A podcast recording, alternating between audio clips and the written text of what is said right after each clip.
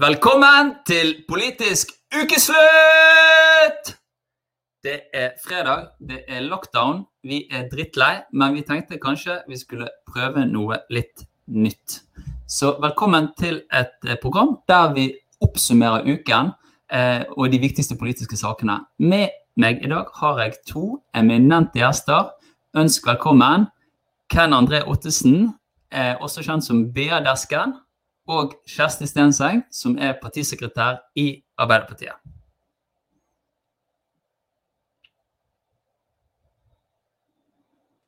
Hei, Kjersti. Hallo. Hei, Ken. Halloisen. Veldig kjekt å ha dere med. Veldig kjekt å være her. Hvordan går det? Nei, eh, det går eh, ja, sånn eh, relativt ubarbert, uflidd. Jeg sitter her i pysjbukse og en gammel genser og tenker at det gjør ingenting. Så jeg har jeg føler jeg har flydd inn i denne her lockdownen i Oslo som en baron. Lockdown-baron kaller jeg meg nå. Ja, det er veldig, veldig bra. Jeg skal ikke si hva jeg har på meg under heller.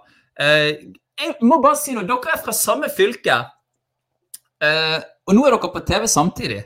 Eh, er ikke det helt utrolig? Er ikke det bare folk fra Oslo som opplever sånt, egentlig? Jo, det er jo ganske stort, det.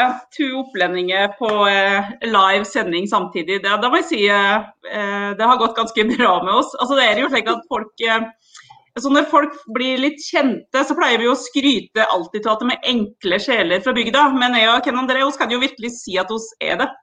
Eh, in real. Så her sitter vi eh, fra bygda, begge to, på livesending. Ja, det er veldig fint. Jeg, jeg, er en kompleks mann fra Bergen, pleier jeg å si. faktisk. Jeg, vil, jeg, pleier alltid å si at jeg er tolvte generasjons innavla totning, for da uansett hva jeg sparker den, så sparker jeg oppover. Ikke sikkert du gjør det når du møter en kvammer, vet du, Ken. Vi må snakke litt om korona. Gaven som bare gir og gir. Eh, F.eks. nye begreper som villsmitte, mutantvirus. Eh, Ken, du har jo skrevet bok om dette, til og med. Men så jobber du òg i desken i Norges største avis. Og jeg lurer på, Er det du som rett og slett har funnet på begrepet mutantvirus? Nei, Jeg skulle jo ønske at jeg hadde funnet på både korona og lockdown og karantene og kohort og mutantvirus og sånn, men jeg har ikke det, altså. Jeg, jeg klarer ikke å ta på meg ansvaret eller uh, æren for det. Men du har skrevet fire bøker på to år. Ja, vi ja. elsker ja, Hvordan var det igjen? Ja, vi elsker dette landet som det stiger frem. Det er de tre første, ikke sant? Og eh, jeg husker bare overskriften. Forsiden på den der det er et bilde av, um, av Olga som har fått uh, melkerullen sin spist opp av mus. Men det, det, det, handler om din store forskjellighet for lokalaviser, vet jeg. Ja, det er riktig. Um, og så har du da nå under korona faktisk kastet deg rundt og stuntet enda en bok. Jeg tror kanskje vi kan få opp et bilde av den òg, faktisk. Ja, og det var jo, eh, det var jo da, da, jeg begynte å skrive Altså, jeg, eh, Vi gikk jo ned i lockdown 12.3.2020. Eh, veldig rar dag og rare uker etterpå. og Da tenkte jeg at enten så må jeg gønne på og prøve å være morsommere enn vanlig, eller så må jeg bare gi, gi det en pause. Men endte opp på det første.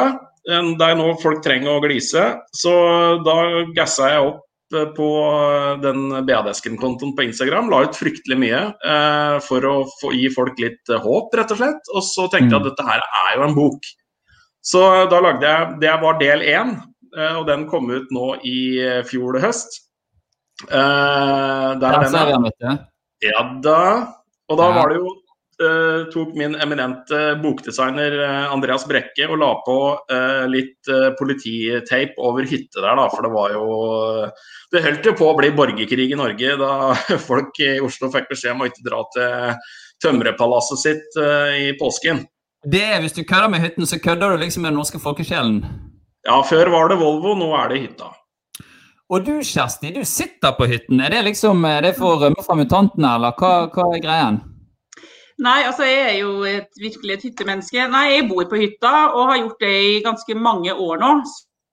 Så eh, når eh, landet skulle stenge ned og alle skulle reise hjem igjen, så gjorde de som jeg fikk beskjed om. Og jeg tror Raymond Johansen var glad for at jeg forlot Oslo eh, og pendlerleiligheta og reiste hjem igjen til Gudbrandsdalen og hytta mi. Så det var nok en del som hadde lyst til å tipse om at det brøt hytteforbudet og gi meg en klekkelig bot, men jeg, jeg bor altså her og sitter på hytta fullt lovlig og har det nå etter forholdet ganske bra og da i 22 minus.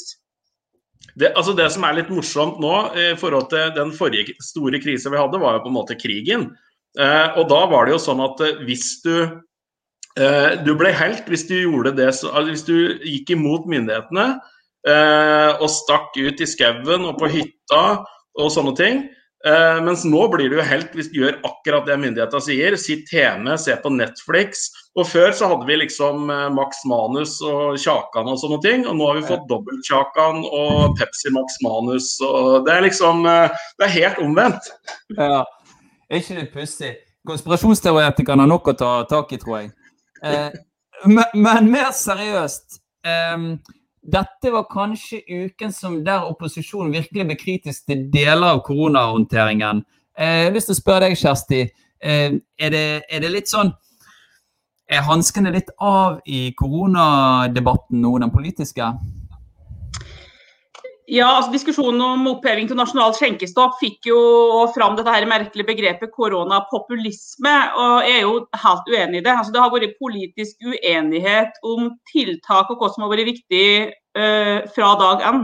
Uh, og altså, Det er litt forutsigbart at det som tilhører et opposisjonsparti er kritisk til, uh, til akkurat det begrepet koronapopulisme. Men er det en gang politikere skal gjøre jobben sin og virkelig å være uenige og sånn få fram den beste politikken som, eh, som, krise, som, som landet trenger, så er det i krise. Eh, mm. Stortinget har fått flertall for flere tiltak fra dagen i mars mot regjeringa, og det tenker jeg det skulle bare mangle. Så vi skal bruke krisa til å være dønn politisk uenige, vise forskjeller og sørge for at oss eh, jobbe for flertall for det vi mener er riktig i en krisesituasjon. Det er, det er jobben vår som politikere.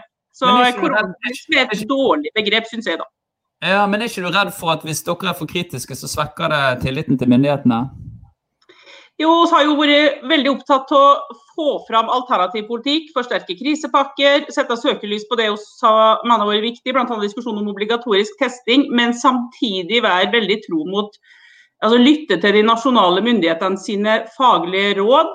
Stå samla rundt det som har vært viktig nå. Sånn, ta sin del av smittevernreglene, følge det. Og Det er ingen motsetning i å gjøre det eh, og samtidig eh, være politisk uenige.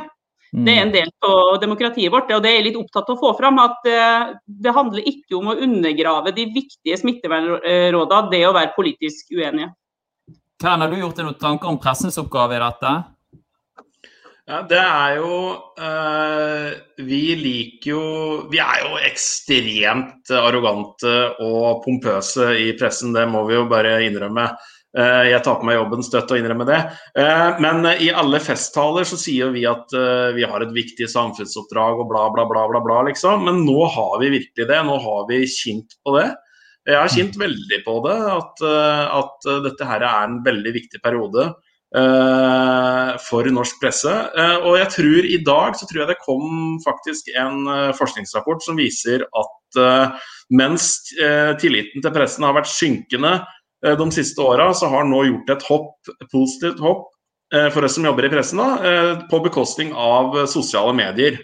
Ah. Og Det viser jo at når driten treffer vifta, så går folk til de etablerte mediene for å få riktig informasjon. Uh, og det er jo blitt sagt, uh, ta folk opp i systemet, at, uh, at den etablerte pressa Nå skal ikke jeg dra fram VG bare fordi at jeg jobber der, men jeg gjør det likevel.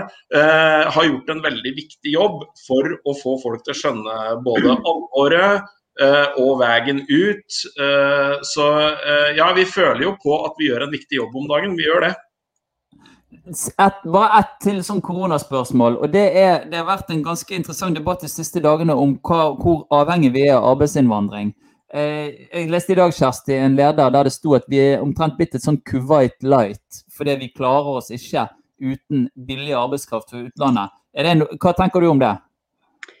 Nei, jeg tenker at det er både alvorlig og urovekkende at vi på den ene sida har nå rekordhøy arbeidsledighet i Norge, og så har vi jo samtidig gjort oss ganske avhengige av utenlandsk arbeidskraft. Og eh, det handler jo mye om den, sånn, den konkurransen som eh, eh, sosial dumping og dårlige lønns- og arbeidsvilkår har skapt. Eh, så jeg er opptatt av to ting. Det ene er at eh, arbeidsinnvandrere tar ikke med seg sosial dumping ved grensa. Det er norske politikere som kan sørge for eh, og trepartssamarbeidet, ordentlige lønns- og arbeidsvilkår og tiltak for å bekjempe sosial dumping. Og så trenger vi også å utdanne ungdommen vår til stolte fagarbeidere og den arbeidskrafta vi trenger i Norge i åra framover.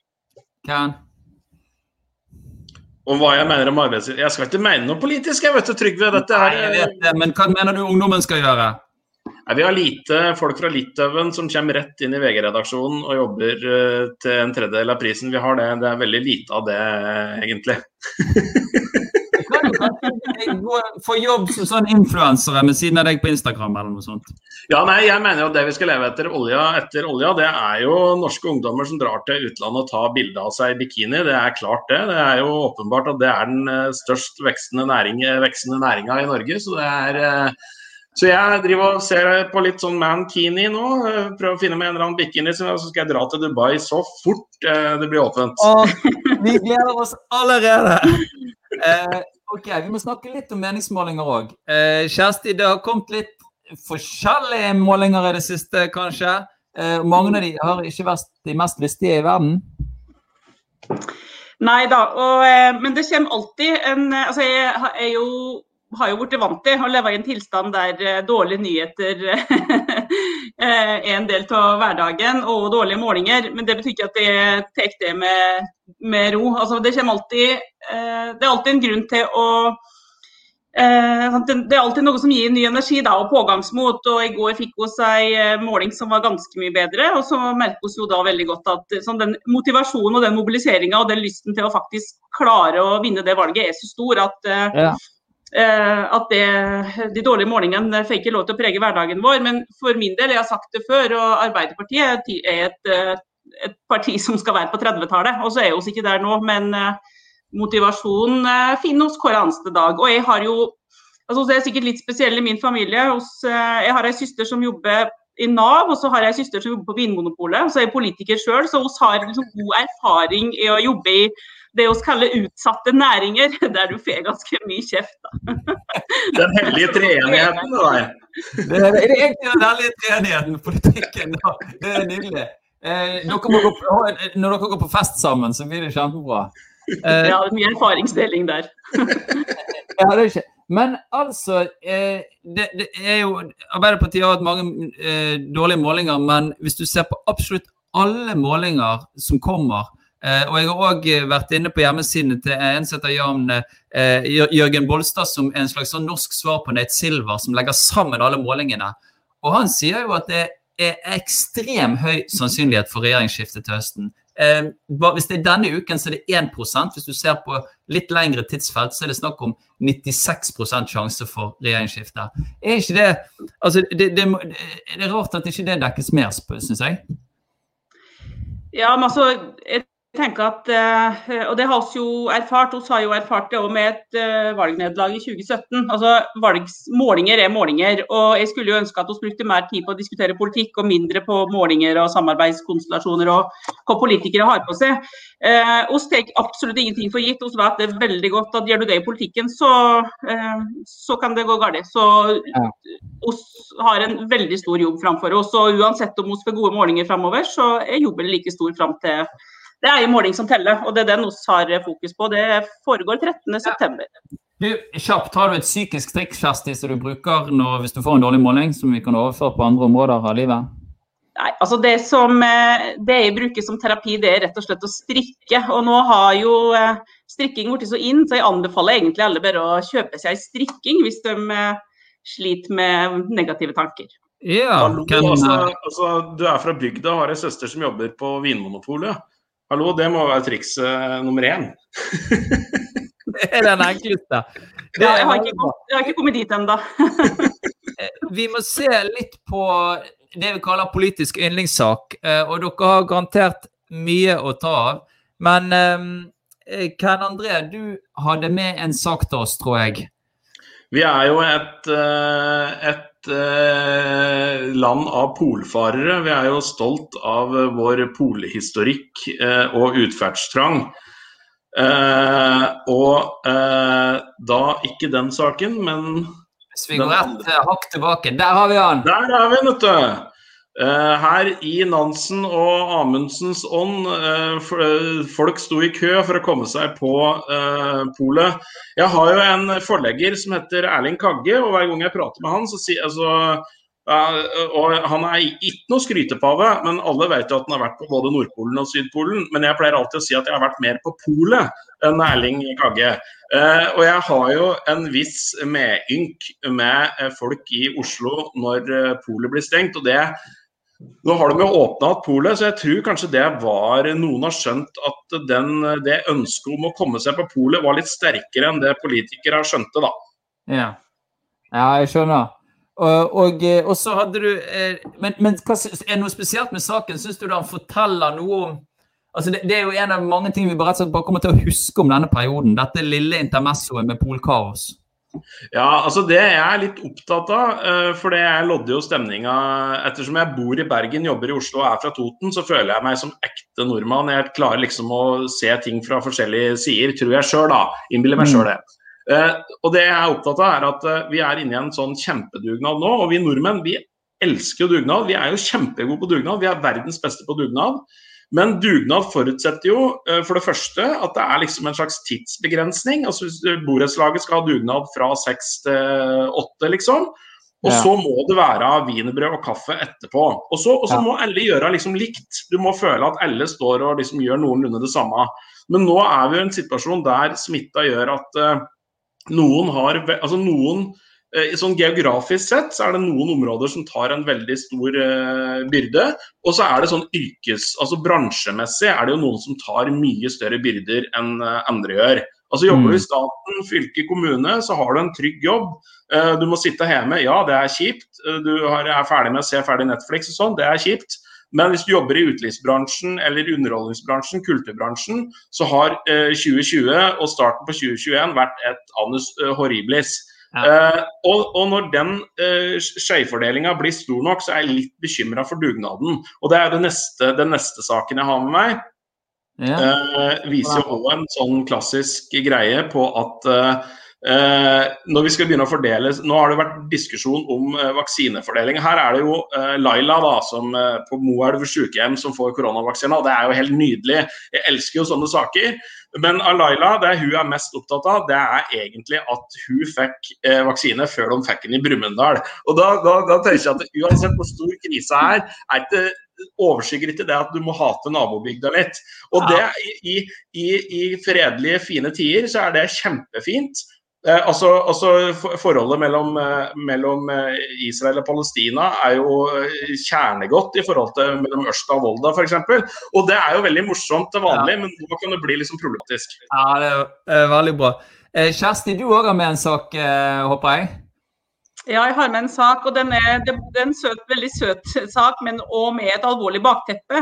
Og Det var jo hun vesle Lilly på ti år i Oslo som fikk, hadde fått sin mobiltelefon og fikk SMS fra Oslo kommune, og som svarte på den SMS-en eh, om at hun skulle gjøre alt hun kunne. Og det, eh, det viser, altså Den er veldig søt, eh, og hun har fått mye velfortjent ros for den, men det viser jo òg det alvorlige bakteppet her om Uh, Ken prater om dugnad. Hvor mye uh, mange ofre, ikke minst unger, ungdommer nå, som uh, tar en veldig stor del av den børa det er, og som ikke sitter hjemme og koser seg på hjemmekontor, men som går glipp av veldig mye. Og det, mm. er, så det alvorlige bakteppet her er jo hvor store negative langtidsvirkninger det vi er inne i nå kan ha for den psykiske helsa og for, eh, ja, for, livet til veldig mange. Og da er det ungene våre jeg er mest bekymra for. Og dette er bl.a. oppe på Stortinget i dag, har jeg skjønt? Ja, vi har ropt et varsko og mener jo at når vi nå har krisepakke og tiltakspakke for næringslivet, så er det veldig viktig. Men vi trenger en skikkelig krisepakke nå for den psykiske helsa til folk. Du, folkens, vi nærmer oss faktisk slutt ganske kjapt, men det var én ting til vi hadde lyst til å ta opp. Um, det har jo, Vi har nettopp vært gjennom vanvittig dramatiske tider. Vi har endelig begynt å snakke norsk politikk egentlig igjen, etter at alt har handlet veldig mye handlet om USA. Eh, og så selvfølgelig hadde vi dette berømte meme med Bernie, sa jeg det riktig? Et meme? Er det det det heter, ikke sant? Eh, du som er sånn Instagram-ekspress, Ken? Ja, jeg, jeg sier meme, jeg, men så er jeg fra Toten. Altså det er liksom uh, Ikke ta meg for god fisk. Uansett, denne her gikk land og strand rundt og ble hysterisk morsom. Det var, altså, det, jeg, har ikke, ikke, jeg, har sett den eh, kroppet inn kanskje ti forskjellige steder bare her på Nesodden hvor jeg sitter. Eh, men det, du skrev en litt interessant Facebook-post, eh, syns jeg, Ken, eh, etter det hadde gått en uke. Eh, og hvis vi kan få opp det bildet du mener vi egentlig burde se, dette, kunne du bare si kjapt hva du mener om det? Nei, eh, jeg mener, altså, uh, Bernie Sanders uh, gikk jo sin seiersgang i verden rundt. Jeg ble jo, uh, jeg ble, Men jeg er jo, blir jo sikkert eksponert for sånne memer 100 ganger mer enn en, den jevne nordmann, så jeg går jo lei fortere. men jeg var lei etter sånn tre dager, og så når det begynte å nærme seg godt ei uke, så tenker jeg liksom at OK, det er kjempemorsomt at han sitter på en sånn innsettelsesprosess. og og ha på en måte på seg helt Det er litt som kongen kom i den der boblejakka si, liksom eh, er ikke så nøye på det, og det er veldig sjarmerende og sånn. Men hvis vi skal dele ett bilde av Bernie Sanders der han sitter, så syns jeg det bildet her fra en eh, demonstrasjon for borgerrettigheter i det er vel i Chicago i 1963, tror jeg. Mm. Så er kanskje det som sier litt mer om Bernie Sanders som person, enn akkurat det at han har på seg noen artige strikkevanter og ei boblejakke, liksom. Kjersti? Ja, dette er jo et mye viktigere bilde. Jeg har jo bare vært opptatt av oppskrifta på de vottene, i og med at det er strikkefantast. Men eh, her, dette her er jo mye viktigere. Og det som skjedde i USA nå, sier jo noe om den kampen som har vært, og at den ikke har vært forgjeves. At vi har fått både den første kvinnelige visepresidenten og eh, med minoritetsbakgrunn. Eh, så eh, jeg heier mye mer på dette bildet enn eh, en vottebildet. Så det er en veldig, en veldig bra avslutning på Åh, dette er veldig dagens prat. Og nå nærmer vi oss helg. Eh, da vil jeg egentlig bare um, avslutte med å spørre om dere har en, um, har, en, har en, vits til oss som vi kan ta med oss inn i helgen og kanskje lunsjen for de som skal gå og spise lunsj nå etterpå. Jeg skal i hvert fall ha en digital lunsj og, og prøve å, å ha en vits å fortelle. Altså, kan jeg, altså, min vits er den varer i to og et halvt minutt. Eller to minutter, er det greit? Ja, det er greit, men da skal jeg fortelle min først. Den er superkort. Den er min sønn eh, som er ni år, som har laget. Og da han spurte meg, eh, og dere kan jo prøve å svare, vet dere hva som er det sunneste stedet i Oslo? Oslo sentralbanestasjon. Oi, oi, oi, oi, oi. Men da kan vi ta noe veldig kort, og så kan Ken André få avslutte. Ja, Fordi at, eh, Jeg har jo ikke hørt en god vits på 30 år, så jeg syns jo det er veldig vanskelig. Men jeg er jo fra Kvam, og kvamværsvitser er et eget begrep. Og oss i Kvam syns de er veldig morsomme. Og i Kvam er oss patrioter, alle er opptatt av fotball. Så eh, da vil jeg jo bare høre om dere har hørt, på, hørt om mannen som var på tur hjem fra eh, fotballkamp i Kvam. Og så kjørte han gjennom Kvam sentrum og kjørte på ei dame. Og styrta ut av bilen helt forferda og ropte til dama som lå under bilen 'Hvordan gikk det? Hvordan gikk det?' Mens dama så på han og ropte 'Kvam vant 3-0'. det er Kvammers humor. Kvam er eldre venn i TV. Ja, ok. Eh, jeg er jo fra Raufoss. På Raufoss er det en hjørnesteinsbedrift eh, som før het Raufoss ammunisjonsfabrikker, eh, og nå bare består av ei klynge av høyteknologiske bedrifter. Men i gamle dager så var det sånn hvis du jobba der, jobba ved bedrifta i 40 år, så fikk du lov til å komme hjem til direktøren for hele bedrifta på middag. Og dette var jo en kjempeopplevelse for folk. Folk hadde jo ganske dårlig kår, men de fikk komme hjem i direktørboligen på middag. Og han, historien handler om, han hadde fått den invitasjon og tok på seg sine fineste klær. Lånte jo eh, ting for å bli, bli mest mulig representabel. Gikk dura opp til direktørboligen, inn lønngangen der og banka på. Kom inn, fikk servert eh, først inn i sigarsalongen og konjakk, og så var det middag. Og det var jo gratis drikke, og, og han drakk jo på det han kunne ettersom det var gratis. Så, så, deler av kvelden, i hvert fall siste delen av kvelden var veldig Jeg husker han ikke så veldig mye av, men når han våkna dagen etterpå og skulle fortelle familien sin om det her, så la han jo på og fortalte hvor fint direktøren hadde det. Det var liksom krystallglass til alt, og det var fine klokker og tjenestefolk og hele pakka. Eh, og det, det han kanskje hadde lagt mest merke til, var at direktøren hadde en uh, gulldass. Altså doen var av gull. Uh, og, og, det var han veldig imponert over. Men så kom han på at han hadde glemt uh, paraplyen sin, så han måtte tilbake til direktøren dagen etterpå og styre oppover der. Det ringte på døra, og der kom det en liten gutt og åpna opp. og Han forklarte ærendet sitt og sa at han hadde glemt at paraplyen sin. og Gutten snudde seg og ropte innover. 'Far, far! Nå er han her, han som dreit i tubaen din'. Veldig bra. Da folkens, tror jeg faktisk vi kan si at nå er det lunsj. Eh, tusen takk for at dere var med. Det var en veldig kjekk start på dette. Pass dere for mutanter. Husk munnbind. Eh, snart er det helg. Polet er åpent. Eh, vi snakkes. Ha det godt. Ha det.